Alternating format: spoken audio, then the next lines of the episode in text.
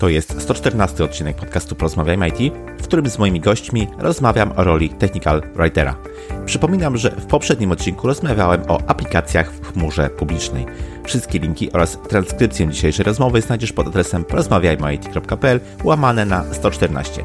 Ocena lub recenzja podcastu w Twojej aplikacji jest bardzo cenna, więc nie zapomnij poświęcić na to kilka minut. Sponsorem dzisiejszego odcinka jest platforma rekrutacyjna Solid Jobs. Jeśli szukasz pracy w IT, koniecznie odwiedź solid.jobs. Znajdziesz tam tylko oferty z widełkami wynagrodzeń. Jeśli aktualnie nie myślisz o znalezieniu nowej pracy, to koniecznie zapisz się na Job Alert. Otrzymasz regularne wiadomości e-mail z zestawieniem ofert, które mogą Cię zainteresować.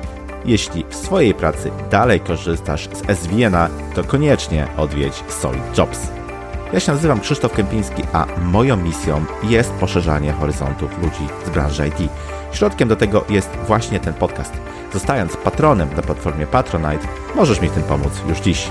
Wejdź na porozmawiajmyit.pl łamane na wspieram i sprawdź szczegóły. A ja przy okazji bardzo dziękuję moim obecnym patronom. A teraz życzę Ci już miłego słuchania. Odpalamy.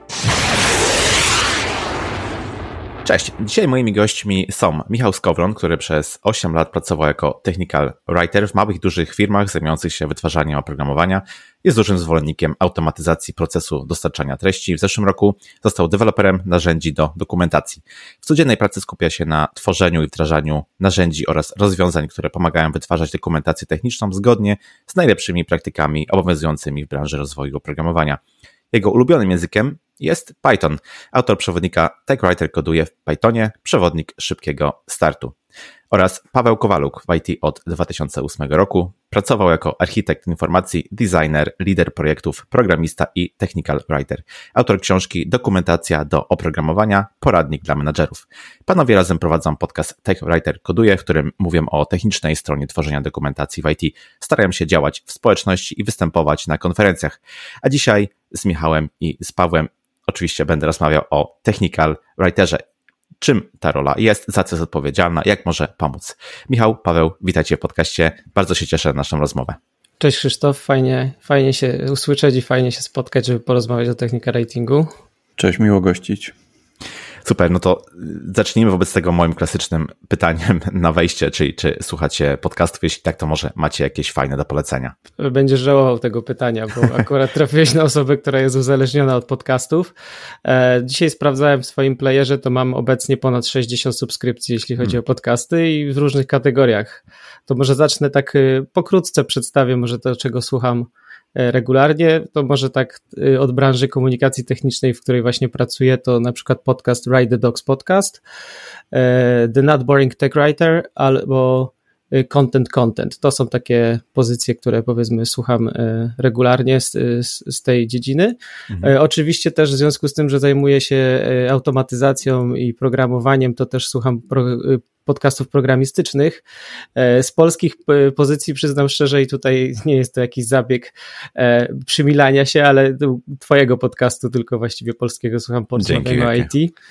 E, a jeśli chodzi o zagraniczne, no to dużo słucham o Pythonie, czyli Python Bytes, Talk Python to Me, podcast.init, o JavaScriptie też trochę, czyli na przykład JS Party, Jamstack Radio albo Syntax. Ostatnio też odkryłem bardzo fajny podcast. No mhm. i jeszcze mam całą masę z pogranicza ciekawostek i nauki, takich jak na przykład polski podcast Wolność w remoncie, chociaż ostatnio się zawiesił niestety. E, Freakonomics Radio, e, do tego mam jeszcze na przykład Household Name, Science Rules, bardzo fajny, albo Silax, mhm. który prowadzi moja znajoma ze studiów, to jest o scenie naukowej w Luksemburgu. To jest w ogóle ciekawy też podcast. No i mhm. też staram się czasami dokształcać e, z języka, na przykład z hiszpańskiego ostatnio, więc Españolistos albo Noticias, te wiadomości y, Organizacji Narodów Zjednoczonych po hiszpańsku. Nie mówię, że wszystko rozumiem, ale chcę się przyzwyczaić trochę. Jasne. No, no może, żeby nie przedłużać, nie, to tyle wystarczy. Jak ktoś chce, to mogę chętnie udostępnić całość, więc zapraszam. Super, dzięki. A ja y, niestety nie słucham podcastów. To może być trochę dziwne. Prowadzimy podcast, a ja nie słucham to tak, jakbym był pisarzem, co nie umie czytać albo rybą, co nie umie pływać, a, no ale jakoś tak się złożyło, że to nie jest moja forma po prostu e, przekazu. Znaczy nie, nie jestem nigdy w takiej sytuacji, żebym miał tylko kanał audio otwarty i mógł mhm. sobie spokojnie się tym, e, się tym zajmować. Pewnie. E, ale na przykład lubię newslettery reaktowe. Dwa takie subskrybuję, React Weekly News i React News. Tak się nazywają trochę nondescript. Chciałbym polecić, jak się do nich zapisać, ale nie pamiętam, jak się do nich zapisałem. Po prostu gdzieś na jakiej stronie się zapisałem.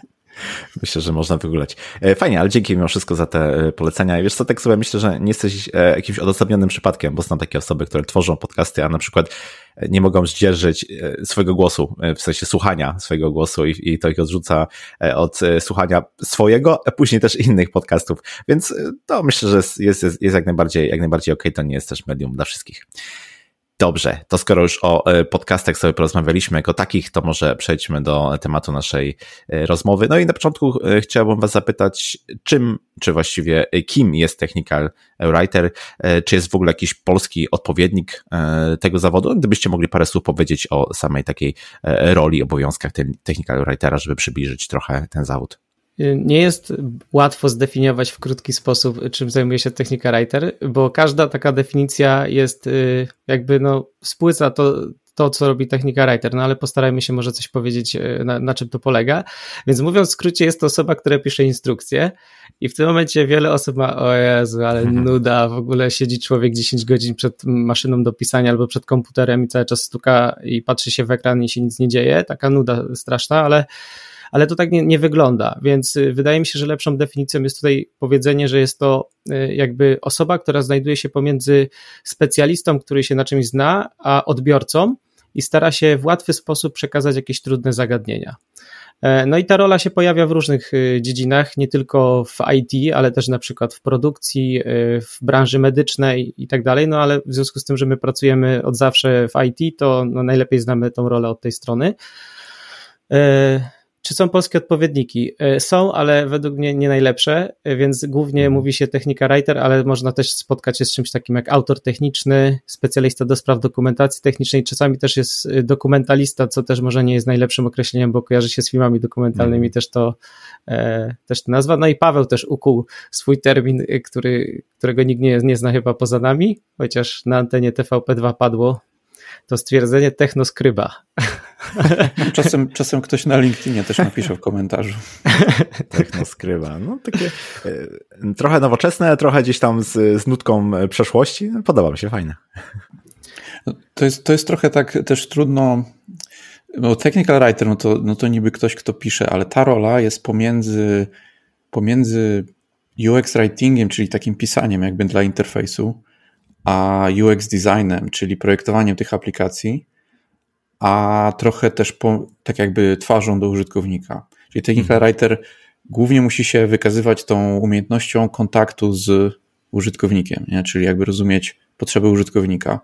I w ten sposób często technical writer będzie podobny trochę do e, na przykład takiego dziennikarza, który, który popularyzuje naukę, prawda? Czyli mamy fizyków, jakichś tam biologów i tak dalej, jakichś ludzi, którzy zajmują się nauką, i mamy ludzi, którzy prowadzą blogi o nauce albo jakieś kanały na YouTube albo podcasty, zapraszają naukowców do swojego programu i tam opowiadają o tym, prawda?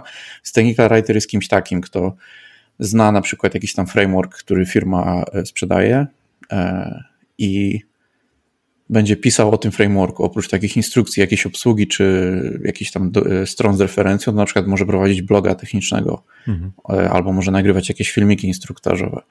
I to jest wszystko zależne właśnie od tego, gdzie się znajdujemy, nie? Czy ta branża jest, czy ta konkretna, czy ten konkretny produkt jest taki bardzo poważny i jest do niego tylko wydrukowana książeczka złożona na tam 16 części, włożona do pudełka, czy na przykład jest to coś takiego, co jest consumer facing, jest e, w stałym użytku i jest na przykład jakieś, e, jakaś społeczność na social mediach, jest jakiś kanał na YouTubie związany z tym produktem. Ten technical writer będzie się udzielał w takich różnych miejscach. Mhm.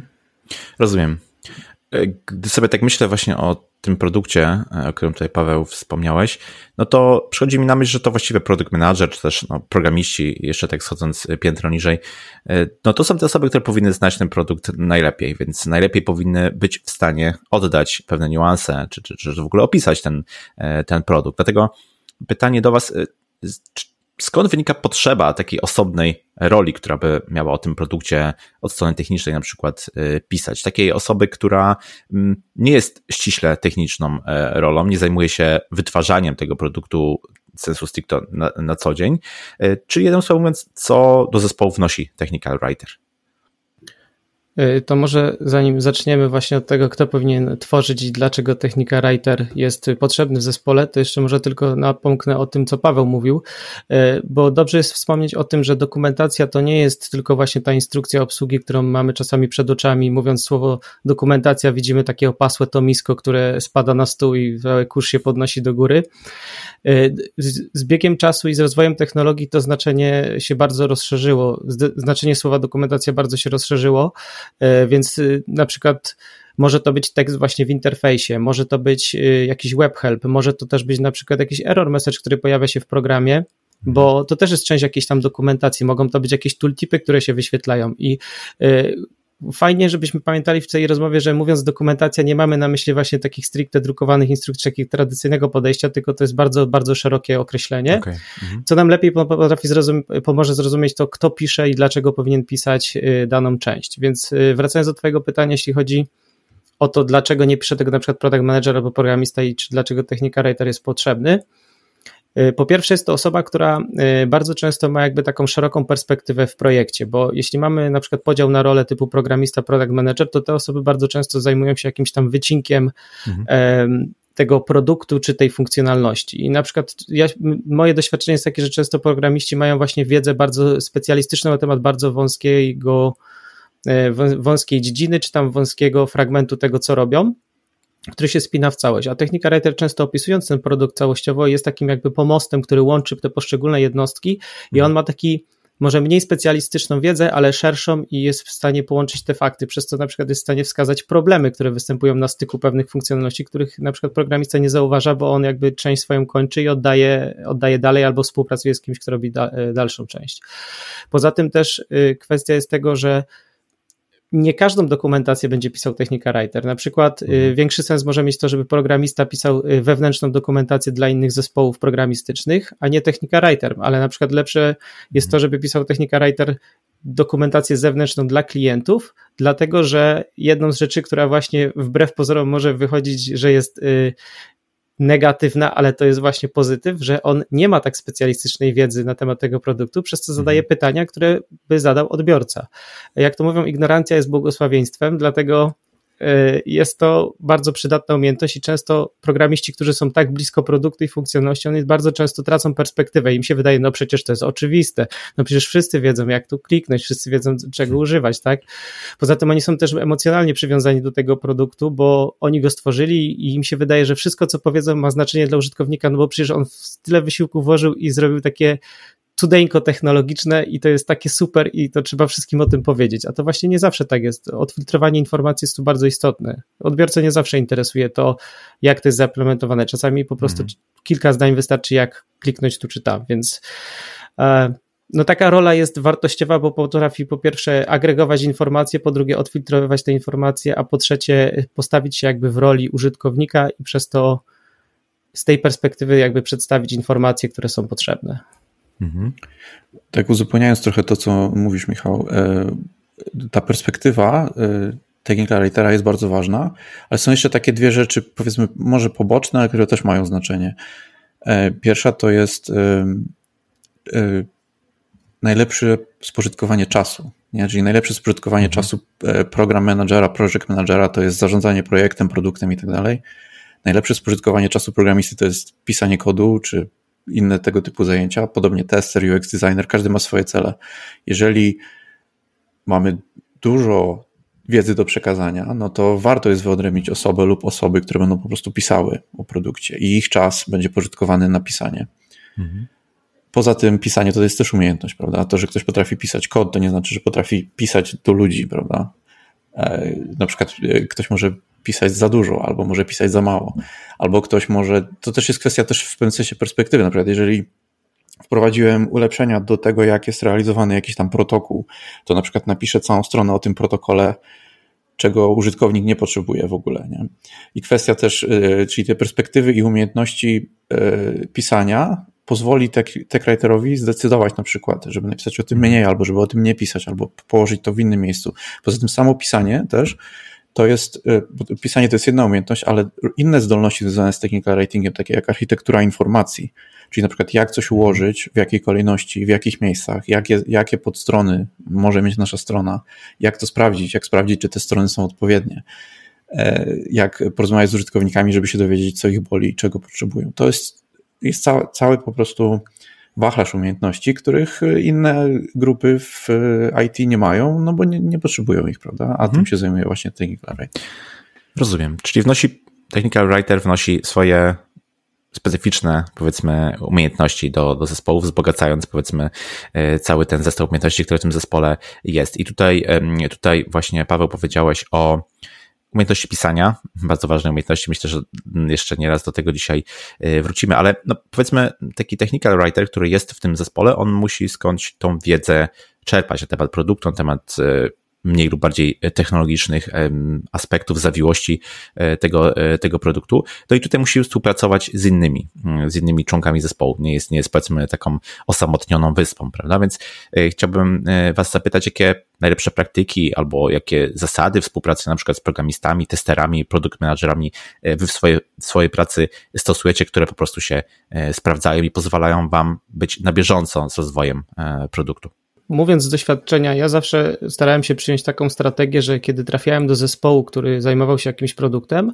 starałem się maksymalnie integrować y, z tym zespołem, tak? Czyli nie stawiałem siebie w sytuacji, gdzie przychodzę jako technika writer i mówię, no to dobrze, to wy zrobiliście swój produkt, to teraz mi powiedzcie, co to zrobiliście, a ja o tym napiszę, żeby użytkownik wiedział, jak tego używać. Tylko starałem się być rzeczywiście częścią zespołu, gdzie siedzieliśmy powiedzmy razem w jednym miejscu. To jest taki powiedzmy prosty aspekt, ale wiele ułatwia, bo spędzamy czas razem, kiedy jeszcze biura były pootwierane hmm. i można było siedzieć y, w normalnych warunkach to bardzo ułatwia pracę, bo widzimy się na co dzień, rozmawiamy nawet o, o bzdetach, tak, ale to buduje hmm. jakąś tam więź, która powoduje, że komunikacja jest łatwiejsza. Po drugie, starałem się też patrzeć, jak y, programiści na przykład pracują, czyli jakich narzędzi używają albo gdzie trzymają kod źródłowy. Y, I nawet z ciekawości starałem się zawsze ten kod źródłowy sobie przejrzeć, y, zobaczyć do niego, co tam się dzieje, jaki to jest język programowania, co tam ewentualnie się dzieje, co ta funkcja, jakie funkcje ma ten produkt.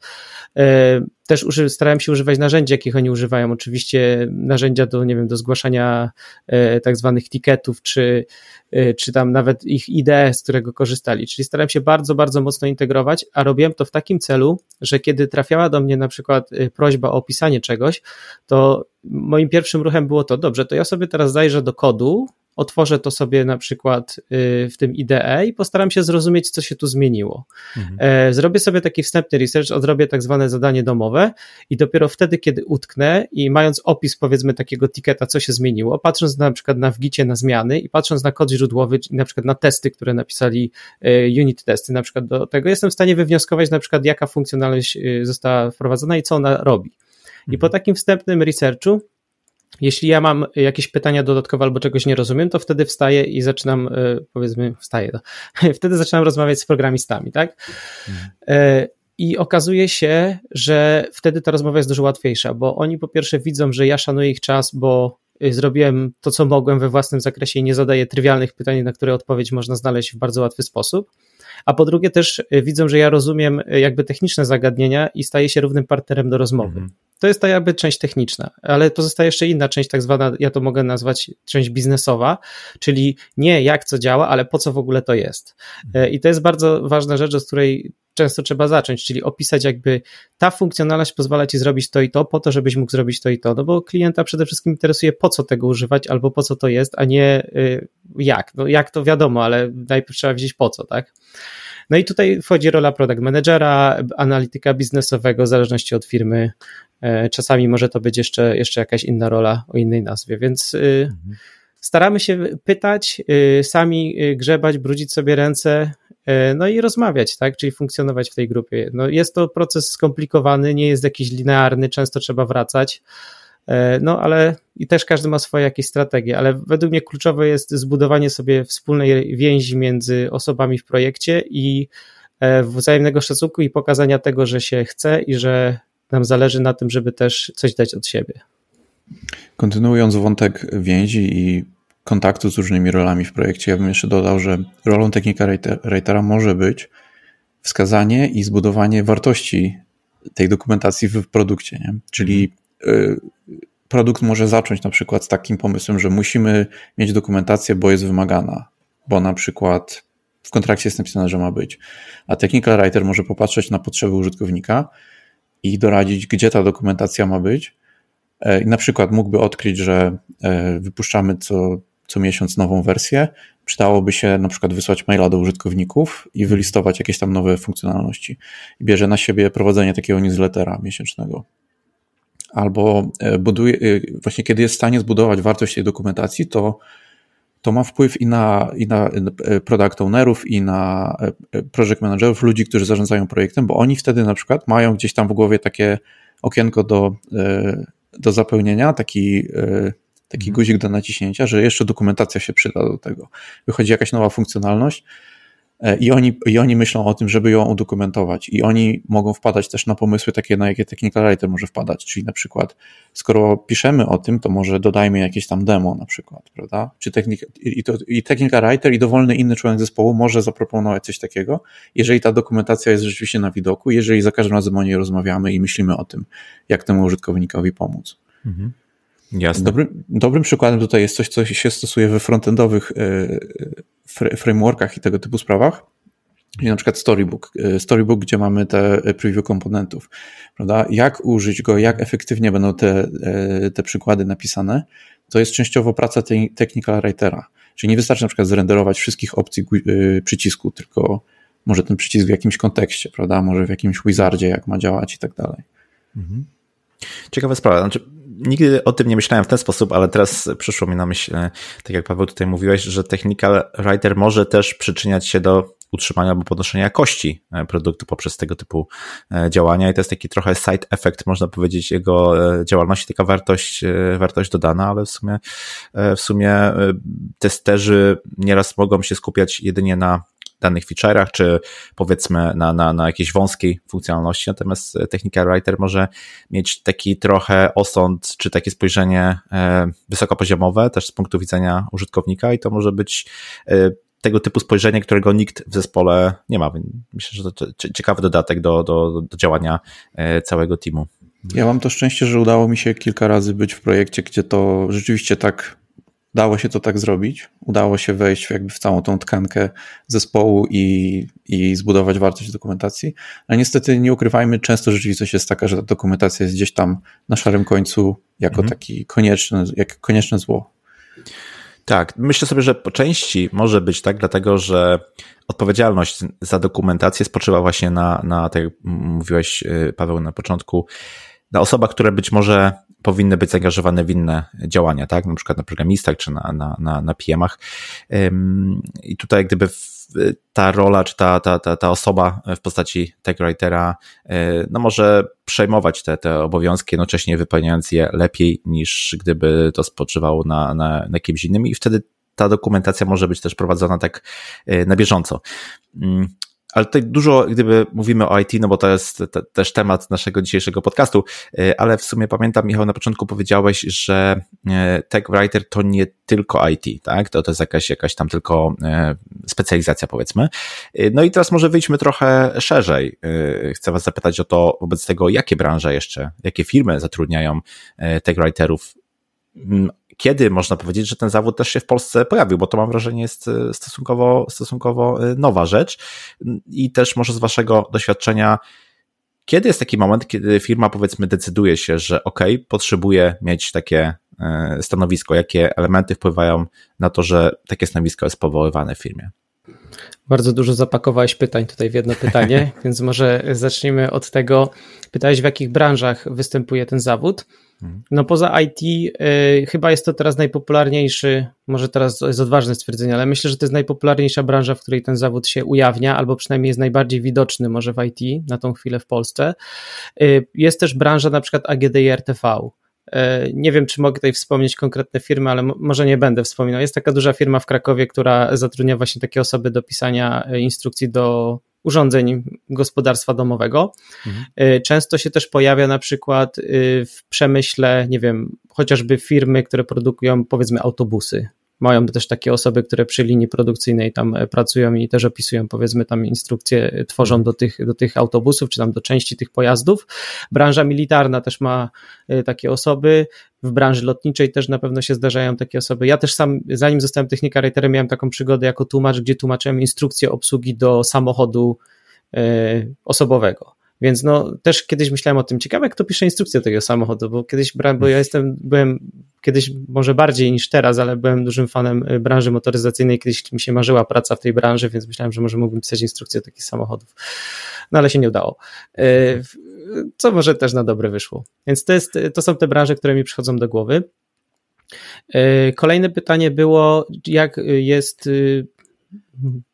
jak, od, od jak dawno ten, ten zawód w Polsce istnieje, tak? Więc mhm, trzeba by tu wspomnieć o dwóch rzeczach. Pierwsza to jest od jak dawna istnieje, a drugie od jak dawna ludzie są świadomi tego, że istnieje, nawet ci, którzy pracują w tej branży, bo y, przez y, ponad 5 lat y, prowadziłem portal techwriter.pl wraz z innymi osobami e, i zdarzało nam się na przykład dostawać takie maile od ludzi, którzy mówili o, ja jestem technika writerem, to nawet nie wiedziałem, że to się tak nazywa. Ja już od 10 lat piszę dokumentację do czegoś tam i nawet nie wiedziałem, że mój zawód się tak nazywa, więc y, często ta mhm. świadomość y, tego nazewnictwa, czy tego, że się przynależy do jakiejś tam większej grupy zawodowej, y, no jest jaka jest, ale się bardzo zmienia. W ostatnich latach to się bardzo zmieniło w Polsce, ale odpowiadając krótko, jest to w miarę młoda branża na tle na przykład Stanów Zjednoczonych, czy, czy krajów Europy Zachodniej, czy no, no głównie, głównie tych rejonów.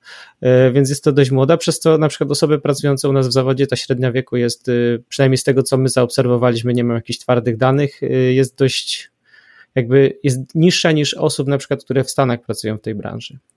Branża IT czy branża tworzenia oprogramowania, można by powiedzieć, że jest taką młodą branżą w ogóle, ale jest też młodą branżą w Polsce. I raczej technical writer u nas się pojawia w kontekście tej branży, bo to określenie po prostu nie było używane odnośnie, tak jak Michał mówił, e, ludzi pracujących w przemyśle ciężkim czy w produkcji i tak dalej. Mhm. Takie osoby to byli często technicy utrzymania jakości albo kontroli jakości, prawda? Czyli osoby, które gdzieś tam są w tym, w tym łańcuchu produkcyjnym, ale nie mówimy na to technical writer. Mhm. E, w Niemczech czy, czy w krajach anglojęzycznych ten ter, taki termin jakiś brzmiący tak podobnie on funkcjonuje od, od, od, od dziesięcioleci, odkąd hmm. się wyspecjalizowała e, produkcja i w krajach zachodnich są e, kierunki uniwersyteckie, które, które kształcą ludzi do wykonywania tego zawodu, są certyfikaty i tak dalej.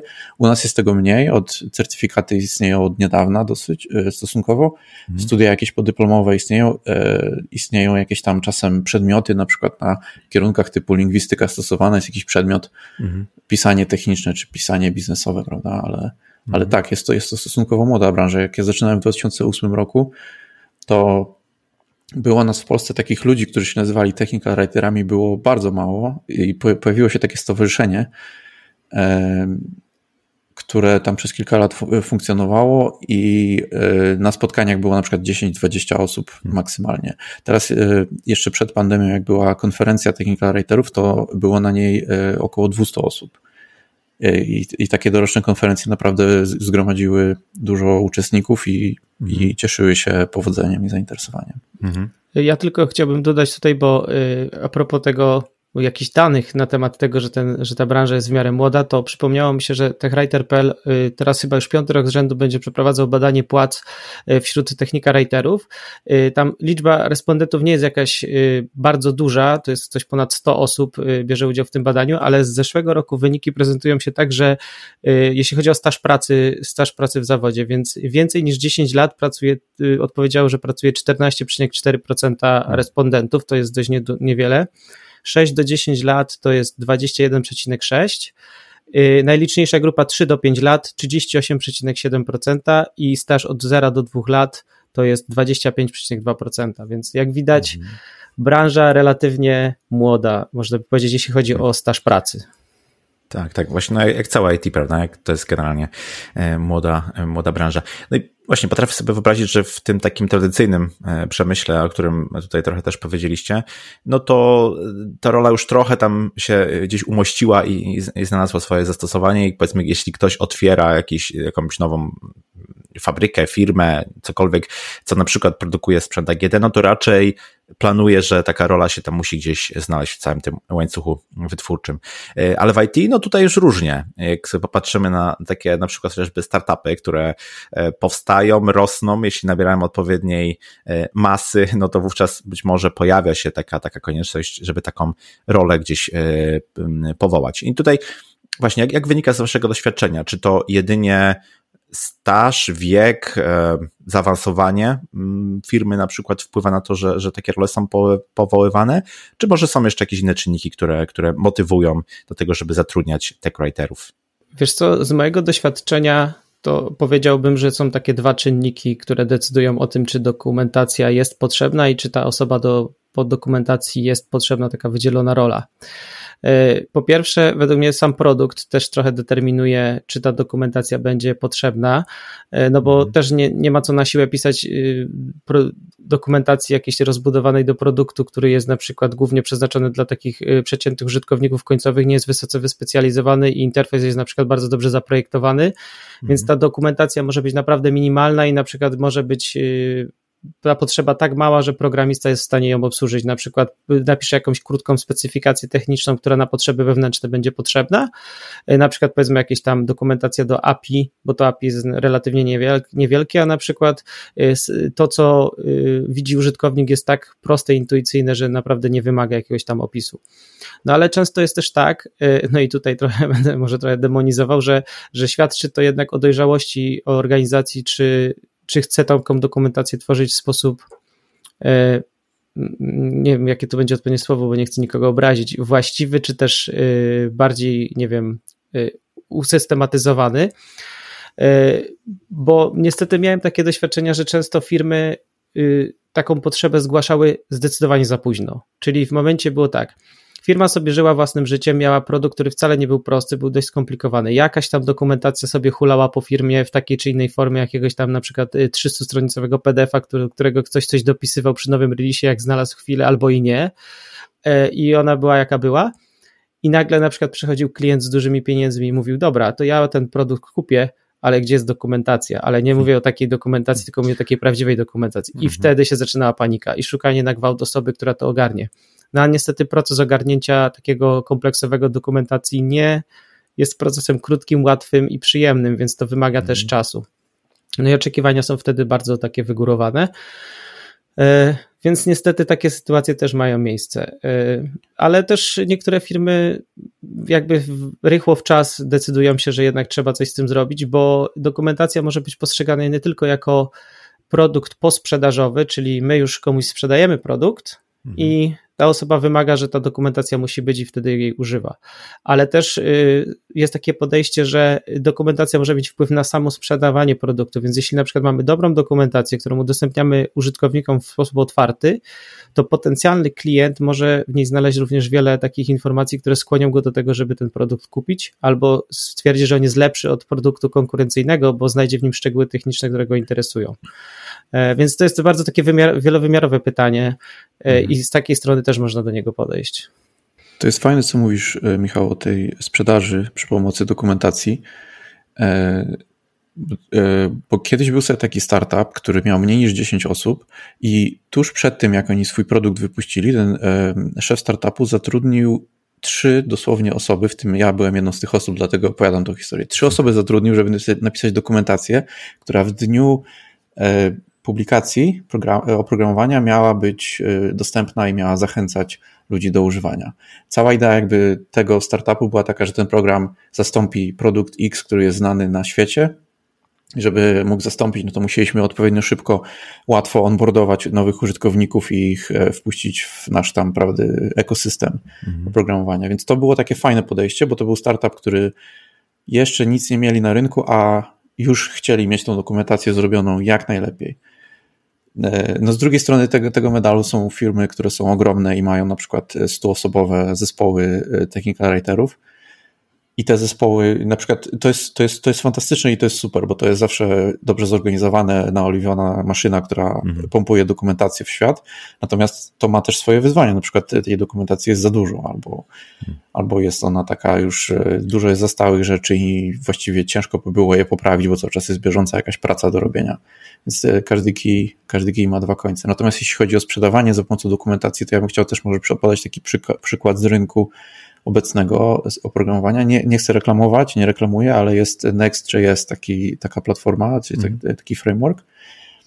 I firma, która, e, firma Vercel, która to wypuściła, oni tak naprawdę e, w, pewnym sensie można powiedzieć, że sprzedają swoje usługi hostowania e, za pomocą tego Next.jsa, prawda? Czyli jest ten Next.js, który jest fajnym takim narzędziem, które każdy może użyć i jest dokumentacja do tego Next.jsa, żeby ludzie mogli zacząć i w, w, sekcji deployment e, jest napisane najlepsza opcja Vercel e, Hosting. Tutaj mamy skrypty już zaszyte w Next.jsie, tylko mm -hmm. trzeba wpisać komendę i się deployuje. Czyli to jest super taki też sposób na wprowadzenie ludzi do tego lejka sprzedaży może chwilę porozmawiajmy o tym, jak zostać taką osobą, bo, bo to, to jest, e, mam wrażenie, takie trochę, taka rola interdyscyplinarna, że trzeba wiele tych umiejętności różnych e, posiadać. W związku z tym e, ciężko mi sobie wyobrazić jakiś na przykład kierunek kształcenia, który by bezpośrednio dawał nam wszystkie te, te skille potrzebne w tym zawodzie, ale może się mylę.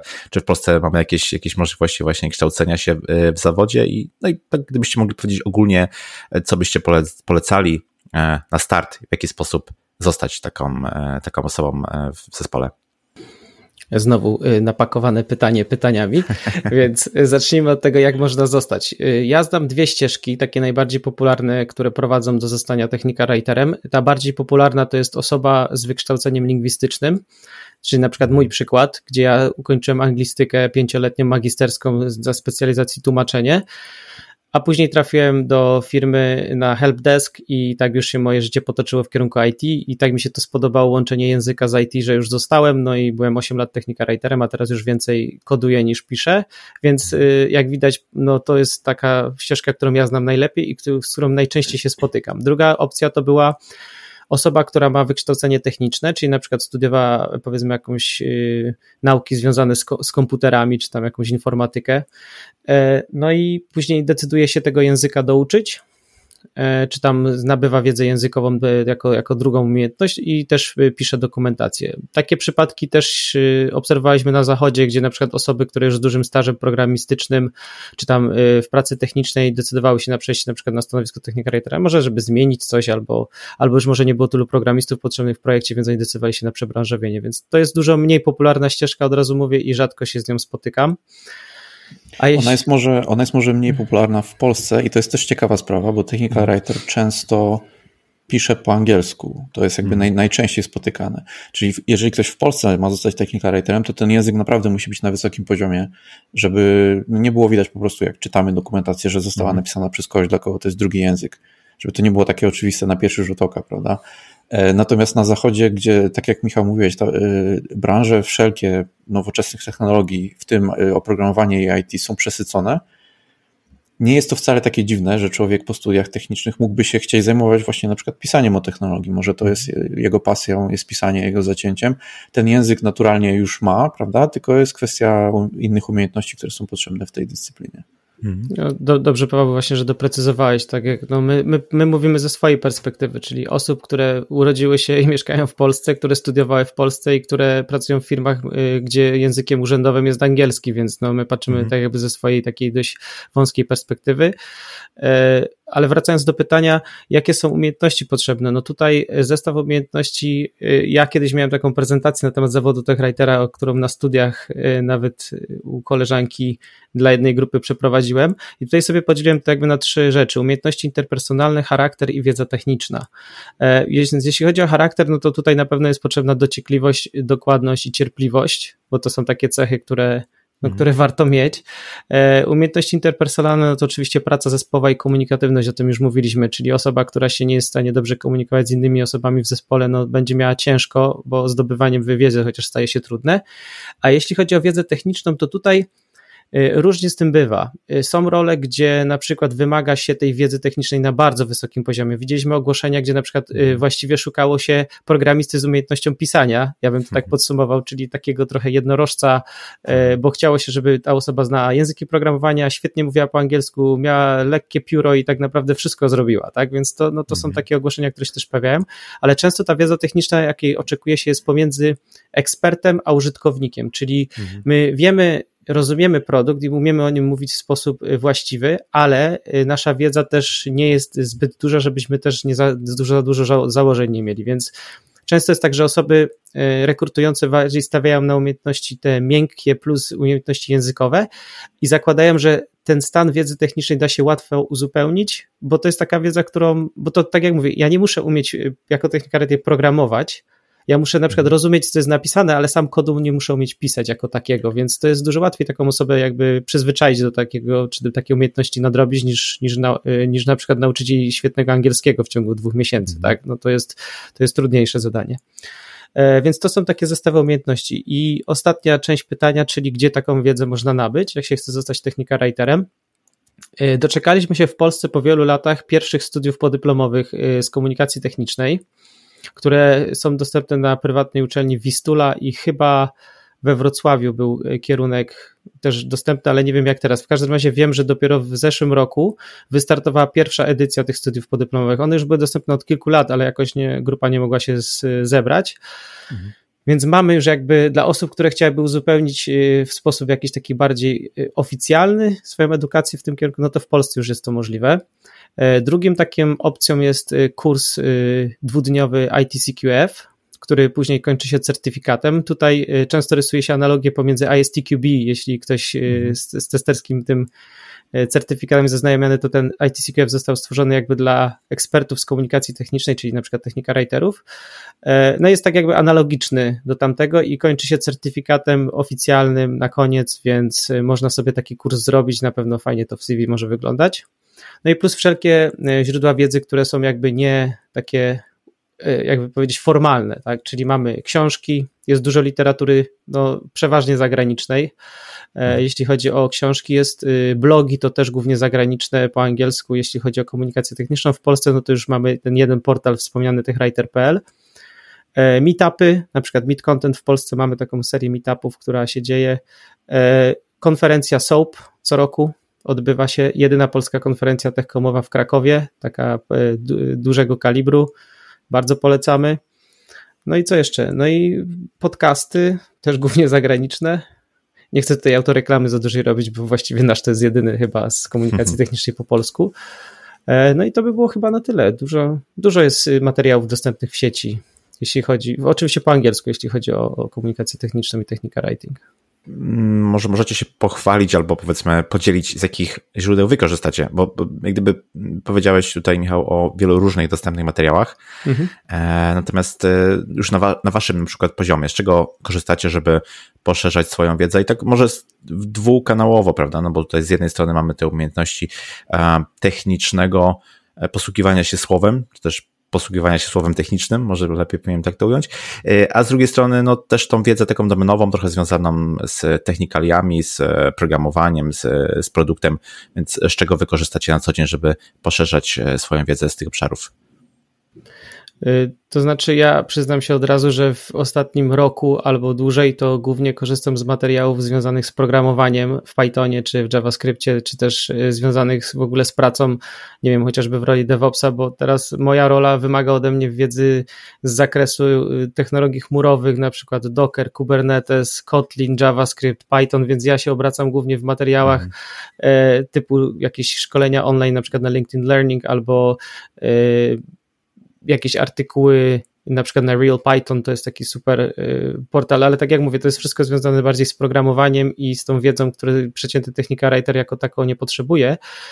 Y, ale też miałem do czynienia y, z materiałami, na przykład jest taka książka, którą ja bardzo polecałem zawsze na początku, ona się nazywa Technical Writing 101 i to była wydana przez Scriptorium Publishing i ona była nawet dostępna za darmo jako w formacie EPUB, chyba była za darmo mhm. dostępna w internecie, można było sobie pobrać. To jest świetna według mnie pozycja na sam początek. Jak chcemy w ogóle zacząć poczytać o technika ratingu, to była, to była fajna opcja. Też była taka książka The Product is Docs od firmy Splunk, taka bardziej nowoczesna. Jest też taka bardzo króciutka książka, chyba 40-stronicowa, którą napisał jeden technika writer z Amazona w Stanach, nazywa się Modern Technical Writing i on pisze o takim nowocześniejszym podejściu do tematu. E, no, te wszystkie podcasty, o których wspominałem, to też jest e, źródło jakiejś tam wiedzy. A jeśli chodzi o blogi, no to tutaj nie będę oryginalny, bo jest taki bardzo popularny blog zagraniczny I'd Rather Be Writing Toma Johnsona, który jest chyba najbardziej, jednym z najbardziej znanych osób w branży techcomu, przynajmniej tego międzynarodowego. No i portal TechWriter.pl w Polsce zdecydowanie też polecam, żeby tam zaglądać. Jeśli chcemy w polskich realiach i troszkę polskiego kontentu łyknąć, to też, to też tam warto zajrzeć. Nie mam tutaj dużo do, do dodania, tylko chciałbym jeszcze raz polecić ten blog I'd Rather Be Writing, bo akurat dla mnie konkretnie y, profil autora jest bardzo podobny do mojego, czyli do tego, czym się obecnie zajmuję. E, prowadzi podobną dokumentację i zawsze znajdę jakieś fajne rady tam.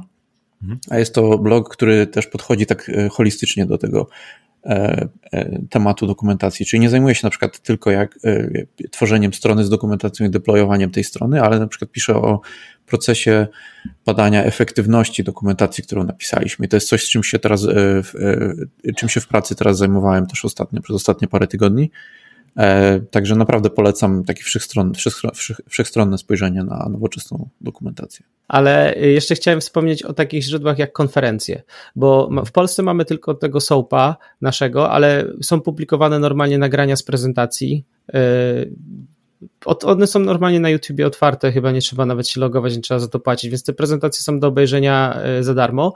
No jest też taka społeczność Ride the Dogs, która jest międzynarodowa i powstała w Stanach, ale też się rozszerzyła na inne kraje Europy.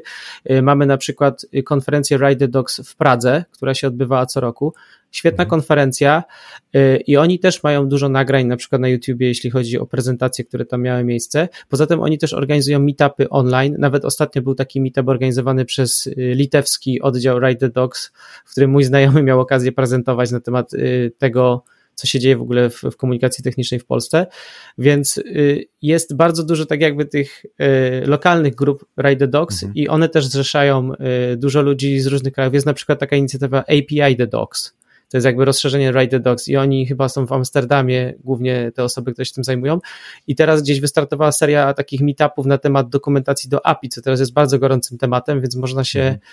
zapisać za darmo, uczestniczyć. Tam na pewno jest masa cennej wiedzy, więc y, Ride the Dogs też jest dużą społecznością. Oni mają swój kanał na Slacku, kanał to nie złe słowo, y, ten workspace na Slacku taki cały który jest przeogromny, tam jest chyba z 5 tysięcy ludzi albo 6 tysięcy ludzi, jest naprawdę sporo osób, więc ciężko nadążyć z tymi wszystkimi kanałami, co tam się dzieje, hmm. więc polecam w ogóle w Ride Dogs jako społeczność. Fajnie, no, czyli tych materiałów, tych źródeł jest, jest bardzo, e, bardzo dużo i tutaj myślę, że nikt już nie może mieć wymówek, że nie jest w stanie się e, chociażby tego zawodu, tej roli e, nauczyć.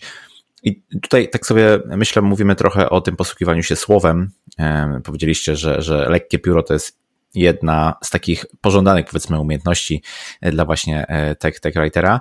I teraz zastanawiam się, na ile ten copywriting, umiejętność e, copywritingu też jest ważną umiejętnością, bo no, czy to jest ten sam typ, powiedzmy, copywritingu, jaki na przykład jest wymagany wśród marketingowców, którzy powinni w jakiś sposób sprzedawać, przyciągać tym, tym językiem, zwięźle opowiedzieć o jakiejś idei, pomyśle, produkcie, czy w przypadku tech writerów to również jest ten e, typ, e, powiedzmy, copywritingu, którego używacie e, na co dzień, czy też może korzystacie z nieco innych typów, ale mimo wszystko copywriting jest ważny w waszej roli takiej codziennej?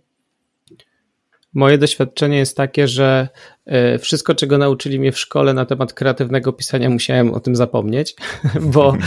E, wszelkie ozdobniki językowe, e, czy tam jakieś upiększenia, albo na przykład wbijano mi do głowy nigdy nie powtarzaj tego samego słowa w dwóch zdaniach po sobie i tak dalej. Mhm. To się nie do końca sprawdza w komunikacji technicznej. Tutaj nacisk, jaki kładziemy, jeśli chodzi o pisanie dokumentacji, czy tej szeroko pojętej do produktu, jest taki, że to ma być łatwy, jasny i przejrzysty język, y, który najlepiej jest na poziomie nie wiem, późnej klasy szkoły podstawowej, można by tak mhm. uprościć.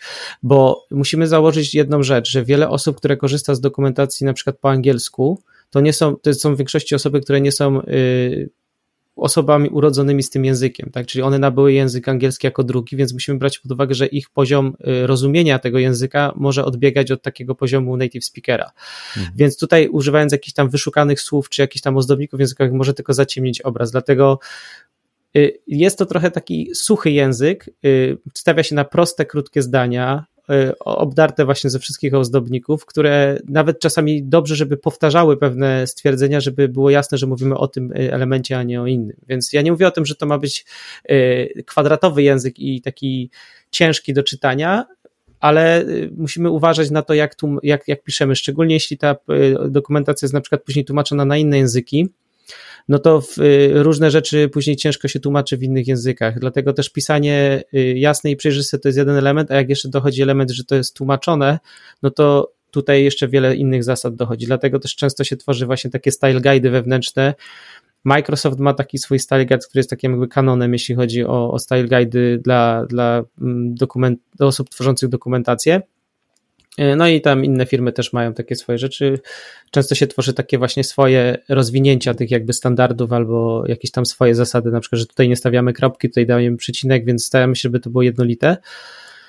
E, pytałeś o, o, ha, o, o copywriting. No ja osobiście w swojej karierze technika writingu nie miałem potrzeby pisania żadnych materiałów promocyjnych albo takich mm. z pogranicza marketingu, gdzie copywriting by się przydał, a wręcz moje doświadczenie jest takie, że jest to totalnie jakby oddzielna umiejętność, że tutaj jakby to są dwie osobne branże, które w moim przynajmniej odczuciu i doświadczeniu się nie zeszły raczej w jednym miejscu. Ale tak jak Paweł wspominał, może się zdarzyć rola, gdzie ktoś będzie wymagał od nas pisania dokumentacji technicznej, ale też na przykład wysyłania newsletterów czy jakichś takich promocyjnych maili, no mhm. gdzie tutaj już trzeba troszeczkę e, innego języka użyć i fajnego. Tak samo też język, który czasami używamy w produkcie samym, na przykład w interfejsach, to ten styl tego języka też może być troszeczkę inny, więc tam trzeba może mieć trochę więcej polotu. E, ale ja głównie byłem taki suchy technika writer, który tam siedział w tej dokumentacji i miał przekazać tą myśl w jasny sposób. Właściwie można by powiedzieć, że część z tych umiejętności pisania technicznego jest takich jak w copywritingu, jeśli chodzi na przykład o ton głosu i e, sposób przekazywania informacji. Nie krzyczymy na użytkownika, że się pomylił, czy tam nie poniżamy go i tak dalej. Nie mówimy źle o produkcie który sprzedajemy. Jest, jest cały szereg takich rzeczy, które na tą klarowność i jakby pozytywność przekazu się, się składają, które może nie są oczywiste, no ale one też wchodzą w, w, w technical writing. Mhm. E, poza tym to pisanie zwięzłe to jest coś dosyć trudnego. Nie? To znaczy łatwo jest po prostu napisać to, co mam w głowie, ale trudno jest potem to tak zredagować, żeby to było faktycznie przejrzyste i zrozumiałe. I tutaj w pewnym sensie to może być trochę trochę się może kłócić z copywritingiem, bo copywriting na przykład może mieć na celu wywołanie jakichś konkretnych uczuć, nie? Mhm. A, e, a technika writing zazwyczaj ma na celu wywołanie jednego uczucia, takiego, że wszystko jest w porządku. Czyli przychodzę z jakimś problemem do dokumentacji, coś mi się tam, e, straciłem jakieś dane, ok, odzyskam je, spokojnie. Wystarczy zrobić to, to, to i odzyskałem, prawda? Mhm. Jasne, rozumiem. Okay, dużo tu powiedzieliśmy o takiej, mam wrażenie, otoczce, o umiejętnościach związanych z tym zawodem. Chciałbym teraz zejść trochę na poziom narzędzi, bo domyślam się, że, że Word to nie jest jedyne narzędzie, z którego korzystacie na co dzień. E, w związku z tym właśnie z jakich tuli e, korzystacie? Jak duży jest w ogóle ten, ten rynek narzędzi dla, dla technical writerów? Wspomniałeś o Wordzie, zaraz będziemy mieć tu hordę e, osób, które będą ci chciały spalić na stosie za to. Z drugiego obozu. Z drugiego obozu. Nie no, żartuję oczywiście. Wiesz co, y, rynek narzędzi dla komunikacji technicznej, czy w ogóle do tworzenia dokumentacji y, istnieje, jest, jest w ogóle coś takiego, czyli są firmy, może nie, nie jest ich wiele, które specjalizują się w tworzeniu stricte produktu pod y, właśnie potrzeby pisania dokumentacji, bo mhm. o ile wspomniany Word w pewnych zastosowaniach może się sprawdzić, czyli potrzebujemy napisać krótką, kilkustronicową jakąś instrukcję, czy też procedurę, no to nie musimy od razu inwestować w jakimś tam kombajn do tworzenia super dokumentacji i implementować przez pół roku jakiegoś tam rozwiązania. Może to się sprawdzi nasze potrzeby. Wygenerujemy sobie tego PDF-a, może to nie będzie szczyt y, osiągnięcia technologicznego w kwestii dokumentacji, ale z drugiej strony spełni swoje potrzeby, więc trzeba, mhm. trzeba tutaj y, wyważyć między tym, co potrzebujemy, a co jest dostępne. Y, ale mówiąc o firmach, istnieją tak zwane narzędzia, które się nazywają Help Authoring Tools. To jest taka specyficzna jakby dziedzina i specyficzny rodzaj narzędzia. I tutaj na przykład firma Matcap produkuje taki produkt, też żadna reklama, tylko po prostu miałem okazję korzystać i, i dość fajny produkt, Flare, który jest takim jakby ja, bym, ja to określam jako taka fabryka trochę, czyli on y, od momentu, kiedy wiemy, co chcemy napisać, tworzymy tą treść, y, definiujemy, w jakich formatach mamy ją dostarczyć i on nam tak jakby ten od początku do końca proces pokrywa, czyli my piszemy, y, używamy jakichś na przykład zmiennych, używamy jakichś tam snippetów, używamy jakichś takich rzeczy, dzięki którym możemy wykorzystywać ponownie treść, możemy podstawiać różne wartości w zależności od produktu, później mhm. generujemy sobie jakiś tam output typu webhelp, y, HTML5, y, PDF, y, jakieś tam, co tam chcemy. No i na końcu dostajemy tam gotowy, gotową dokumentację, którą gdzieś tam publikujemy sobie później, nie wiem, mhm. na serwerze HTTP, czy jak, jak tam chcemy. Więc takie produkty istnieją.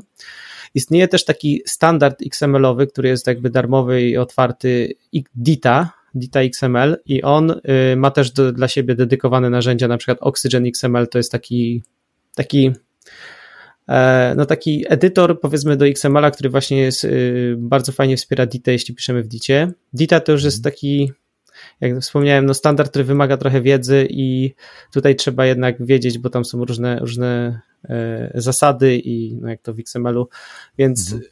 ogólnie no nie chcę tu wchodzić za duże szczegóły, no ale chciałem Jasne. tylko wspomnieć, że taki standard istnieje. Mhm. No i teraz jest jeszcze bardzo duży kierunek nowy, taki y, nazywany Docs as Code. To nie jest jakby konkretne narzędzie, tylko to jest taka, mhm. E, takie podejście do procesu tworzenia dokumentacji, gdzie traktujemy y, dokumentację tak, jakbyśmy traktowali kod, czyli e, źródła trzymamy na przykład w Gicie, piszemy y, w Markdownie, bardzo często jest to Markdown albo mhm. Restructured Text albo ASCII Doc, zależy jak, jak, to, jak to lubi, jak co bardzo skomplikowanego potrzebuje.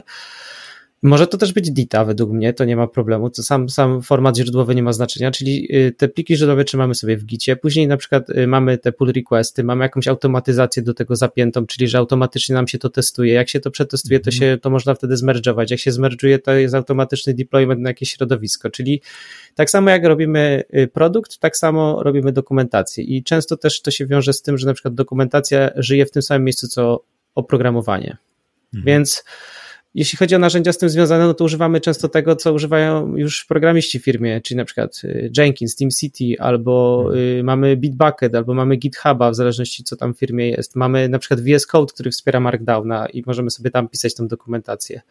E, mamy jakiś taki system, y, klient do systemu kontroli wersji, więc tutaj te narzędzia się często pokrywają. Albo mamy też takie wynalazki, jak Paweł wspomniał, Next.js, czy Docusaurus. Bardzo popularne stały się statyczne generatory stron teraz w świecie mhm. IT, jeśli chodzi o dokumentację taką E, nowoczesną, powiedzmy. Często też sięga się po to.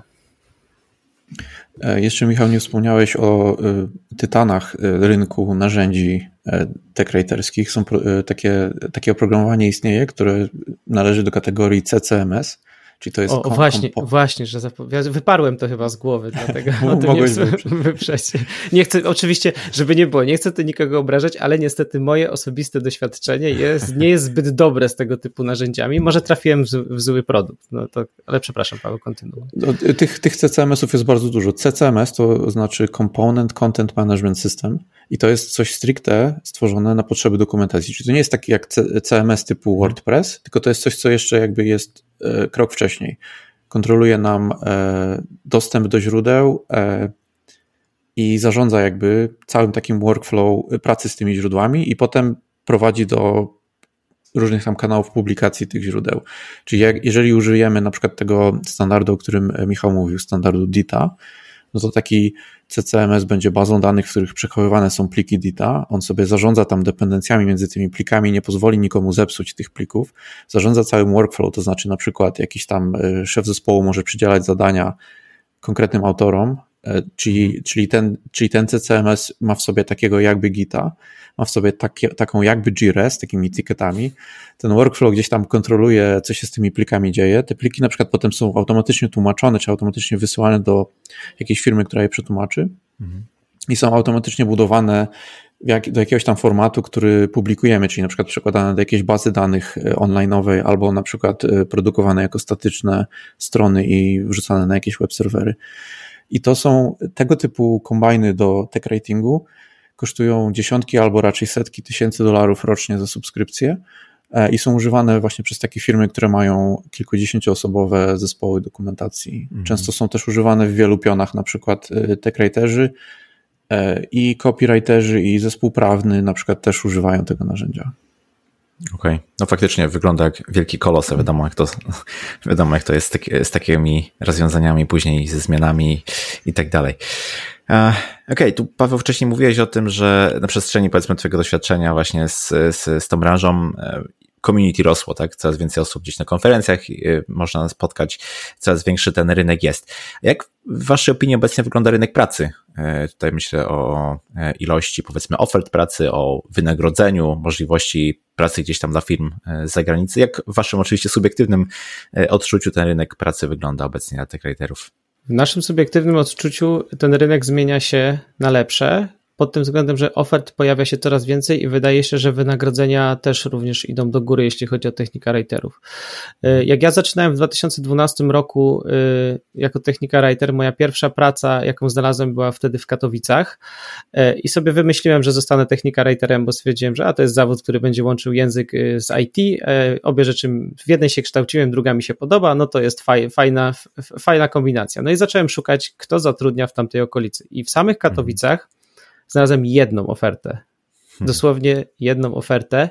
Zaaplikowałem i opatrzność boska sprawiła, że dostałem tą pracę. No i tak już jestem, y, już ponad 8 lat pracowałem, później zmieniłem rolę i tak dalej. Tak więc, y, no, ale no, nie było tego dużo, nie było w czym za bardzo wybierać. Najwięcej ofert było w Krakowie zdecydowanie. A teraz, jak ostatnio sprawdzałem z ciekawości, na przykład jak wyglądają oferty pracy na LinkedInie, no to jest już dużo więcej firm, które zatrudniają. Nawet w samych Katowicach pojawiło się kilka ofert. Ja już znam osobiście przynajmniej dwie kolejne firmy, które w samych Katowicach zatrudniały.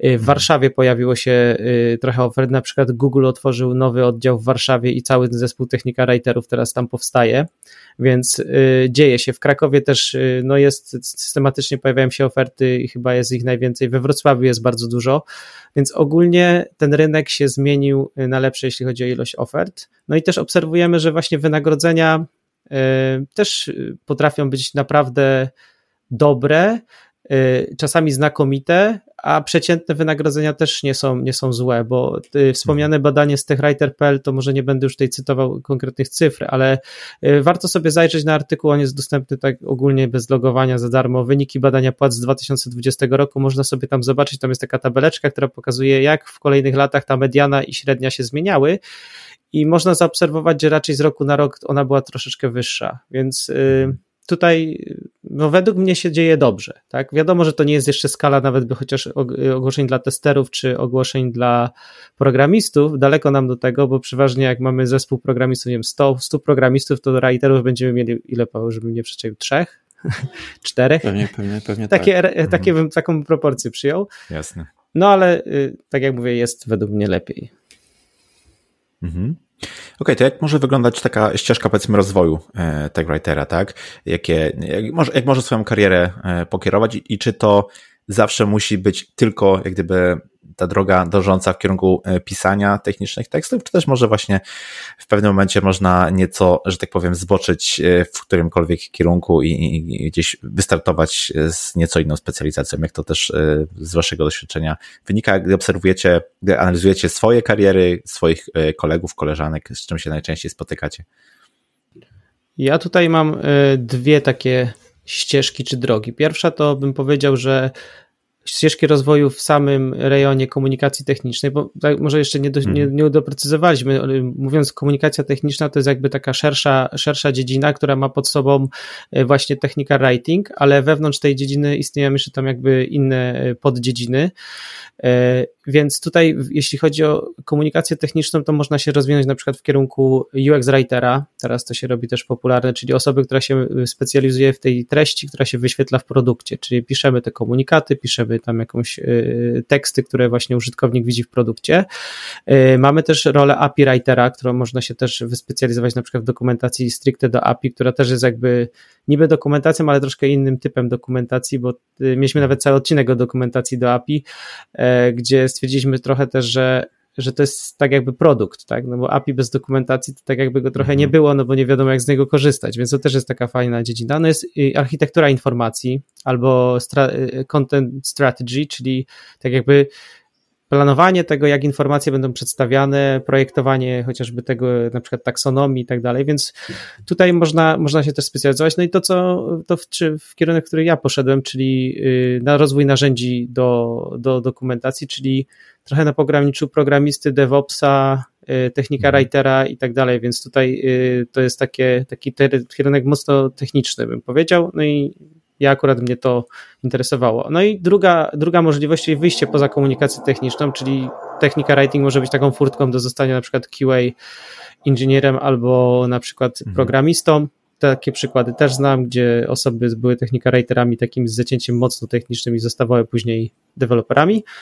Może to też być y, rola też jakiegoś wsparciu technicznym na przykład klienta, bo to też jest pomaganie ludziom w jakiś sposób, tylko no, y, forma jest inna, ale właściwie idea podobna. Więc tych możliwości trochę jest. Może jeszcze trochę dołożę do tego, co mówiłeś, Michał, o y, różnych specjalizacjach w komunikacji technicznej, bo to może być, bo, e, bo, bo tak jakby ręka w rękę z pisaniem dokumentacji idzie e, analizowanie tego, czy ona działa, jak ona działa, i tutaj takie dwie działki mhm. się wyłaniają: analityk typu Google Analytics, Web Analytics, prawda? I można naprawdę głęboko w to wejść. Jeżeli dokumentacji jest dużo, to, to może być osobna rola i człowiek się może tym tylko zajmować. A druga sprawa to jest User Experience Design. I też znam osoby, które przeszły z technical ratingu stricte do User Experience Designu, ale osoba, która stoi powiedzmy okrakiem pomiędzy tymi dwoma obszarami, też jest przydatną osobą. I jakaś taka osoba współpracująca z zespołem takich hardkorowo piszących ludzi, a ludzi, którzy się zajmują stricte projektowaniem doświadczeń. Trochę też to są takie bardziej egzotyczne przykłady tego, co można robić na przykład z architekturą informacji. Michał wspomniał o taksonomii, a taksonomie się wpisują w architekturę informacji całego, całej firmy. I mhm. są też takie działki, gdzie e, te creatorzy idą w kierunku analizy danych lub e, jakichś takich rozwiązań e, sztucznej inteligencji, analizy tekstu i budują jakieś tam grafy semantyczne, które mapują całą jakby infrastrukturę produktów. Jest, jest takie na przykład Semaphore, jest taka firma, która ma taką, taką całą platformę do tworzenia grafów wiedzy na temat tego, co mamy w przedsiębiorstwie. Mhm. I osoba z zespołu dokumentacji, będąca architektem informacji dokumentacji, jest często E, silnym członkiem takiego zespołu tworzącego tą taksonomię, powiedzmy, e, firmową, prawda? Więc to, to może być takie trochę zaskakujące, ale właśnie osoba wyrastająca z stack writingu może pójść w kierunku analizy danych i jakichś takich zagadnień z dziedziny machine learning, które potem jakby wyrastają trochę z tego zarządzania informacją. Ciekawe. No właśnie, bo mówi się o tym, że na przykład QA czy e, Product Manager to są takie role, które fajnie wprowadzają e, do IT. Czy, czy w Waszej opinii ten zawód tech writera to też jest taka e, dobra, wdzięczna furtka do IT? Można później przeskoczyć na bardziej techniczne role? E, jak najbardziej. E, mój dobry znajomy właśnie powtarza od dłuższego czasu, że dawniej QA był takim, e, taką dziedziną, która była taką furtką do IT, kiedy ten zawód jeszcze nie był tak ugruntowany i sprowadzał się do posadzenia człowieka w rogu i kazać mu, tak. kazania mu klikać. No i widzimy, co się stało parę lat później. I też wtedy nikt sobie tam nie robił z tego, a bycie QA, no to co, no to trzeba umieć klikać, coś tam wiedzieć, no i można wejść w IT, tak? Ja nie, mhm. oczywiście nie umniejszam, bo uważam, że QA to jest też trudna dziedzina i jak widać rozwinęło się to w takim kierunku, gdzie firmy poważnie podchodzące do tematu y, widzą wartość w tym. No i właśnie dlatego ten mój znajomy zaczął iść y, w kierunku komunikacji technicznej, y, analogicznie zaczął go jakby chciał go analogicznie rozwijać tak jak widział w QA, bo on pracował zarówno w QA i w dokumentacji i widział te podobieństwa, gdzie y, tak jakby komunikacja techniczna była takim wątkiem, który miał podobne cechy jak, jak, jak QA. No i w tym momencie komunikacja techniczna, czy też właśnie technika writing stricte stał się taką właśnie fajną furtką, jak wspomniałeś, do, do IT, bo mhm. Y, to nie chodzi o to, że, że takich ludzi jest łatwo znaleźć, bo no tutaj, żebyśmy się nie wpędzili w przekonanie, że każdy może to robić, bo to tak nie jest. Y, no jednak trzeba mieć jakiś zestaw specy, specjalnych umiejętności, żeby być dobrze to wykonywać, bo byle jak to można robić, ale żeby być dobrym hmm. technikarajterem, no to też trzeba mieć jakiś tam zestaw umiejętności, więc Jest to furtka o tyle, że często wystarczy właśnie mieć te umiejętności językowe i odpowiedni zestaw cech i charakter, bo tak jak mówiłem, tą wiedzę techniczną można się douczyć na tak, do takiego stopnia, żeby można było pisać o niej. E, no i tutaj mamy na przykład przykłady z życia wzięte, które ja widziałem osobiście, czyli zatrudnianie osób, które absolutnie nie miały żadnego doświadczenia e, w komunikacji technicznej na stanowiska juniorskie i później pod okiem e, takich starszych kolegów czy koleżanek nabywały umiejętności, po kilku miesiącach stawały się już właściwie samodzielnymi specjalistami, albo były to osoby na przykład, które były nauczycielami wcześniej. I mhm. one przychodziły, nauczycielami angielskiego w podstawówce czy tam w liceum i na przykład przychodziły i chciały zmienić coś w swoim życiu i nagle stwierdzały, technika writing to jest to. No i się świetnie odnajdywały w tej roli. Zresztą ja sam przecież byłem po studiach językowych, pracowałem na helpdesku i nagle dostałem pracę technika writera. I przyszedłem do firmy, gdzie nie było ani jednego technika writera, y, Cała dokumentacja to była jedna 300-stronicowy, jeden 300-stronicowy PDF, nie było nawet narzędzia porządnego do pisania dokumentacji. I dostałem, no to dobra, to teraz zrób porządek. No i, i wtedy, e, więc no ale pomalutku, pomalutku da się, da się to zrobić przy odpowiednim nastawieniu i zestawie umiejętności. Więc tak, odpowiadając krótko, jest to fajna furtka do IT. To może też być furtka w ogóle do biznesu. E, znamy przykłady ludzi, którzy z tech stawali się product ownerami albo wchodzili na taką ogólną ścieżkę menedżerską i po prostu żyją w korporacjach na różnych tam szczeblach e, zarządzania. Natomiast ja bym też chciał zwrócić uwagę, że właściwie fajne jest bycie humanistą w IT, bo w takich stricte technicznych rolach nie jest to oczywiste, że ktoś jest humanistą w cudzysłowie, cokolwiek to znaczy, prawda? Czyli człowiekiem, który, no bo z jednej strony jest człowiek, który lubi technologię, on jest programistą, jest testerem, jest, zajmuje się architekturą oprogramowania i tak dalej. Człowiek, który lubi technologię, człowiek, który lubi ludzi i jest na przykład technical writerem, UX designerem, e, product ownerem, prawda, jest, jest, no jest potrzebny do tego interfejsu, nie? gdzie pomiędzy komputerami a naszymi klientami, którzy będą używać tego naszego oprogramowania, jest ten klej łączący, jest to jakieś to, to człowieczeństwo. Więc fajnie, y, jeżeli ktoś jest jeżeli ktoś e, myśli, że jest zbyt humanistyczny, żeby być w IT, to, to nie jest tak. Możecie być. Możecie być tak writerami, możecie być designerami, możecie różne role pełnić.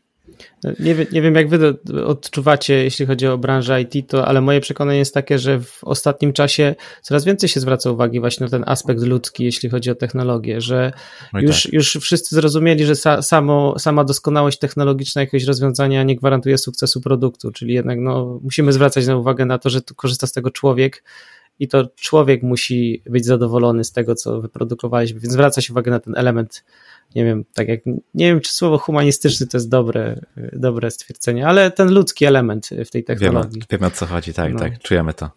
Mhm. Fajnie, no to jest bardzo dobre, myślę, podsumowanie naszej rozmowy i tą zachętą do bycia człowiekiem w IT. Myślę, że, że będziemy na dzisiaj e, kończyć. Michał Paweł, bardzo Wam dziękuję za ten poświęcony czas, za rozmowę. Sam się bardzo tutaj dużo dowiedziałem o tym, o tym e, zawodzie. Myślę, że słuchacze e, też będą mieli teraz lepszy ogląd, e, z czym to się przysłowiowo je. No i powiedzcie proszę, gdzie was można znaleźć, jak się z wami skontaktować. To pierwsze miejsce, gdzie możecie zajrzeć, to jest techwriterkoduje.pl. Tam są nasze podcasty, nasze wystąpienia i nasze powiedzmy tam dzieła pisane, e, które stworzyliśmy. No i tam też jest sekcja kontakt, gdzie jesteście w stanie znaleźć maila, gdzie możecie do nas napisać, z nami się skontaktować, a jeśli chcecie bardziej e, prywatnie, no to u mnie możecie znaleźć na LinkedInie. Też zapraszam na LinkedIn, Paweł Kowaluk, obecnie Technical Writer w Guidewire. Świetnie. Oczywiście wszystkie linki będą tace do odcinka, jak zawsze. E, ja Wam bardzo jeszcze raz dziękuję. No i do usłyszenia. Cześć. Dzięki, Dzięki Krzysztof. Cześć. Na razie. I to tyle z tego, co przygotowałem dla Ciebie na dzisiaj. Rola tech writera może wnieść wiele do zespołu, przyczynić się do podniesienia jakości projektu czy produktu, a jednocześnie być furtką do IT. Jeśli ten odcinek był dla Ciebie interesujący i przydatny, oddzięcz się proszę recenzją, oceną lub komentarzem w social mediach. Jeśli masz jakieś pytania, pisz śmiało na krzysztofmałpa.porozmawiajmy.it.pl Zapraszam też do moich mediów społecznościowych. Ja się nazywam Krzysztof Kępiński, a to był odcinek podcastu Porozmawiajmy IT o roli Technical Writera. Zapraszam do kolejnego odcinka już za tydzień. Cześć!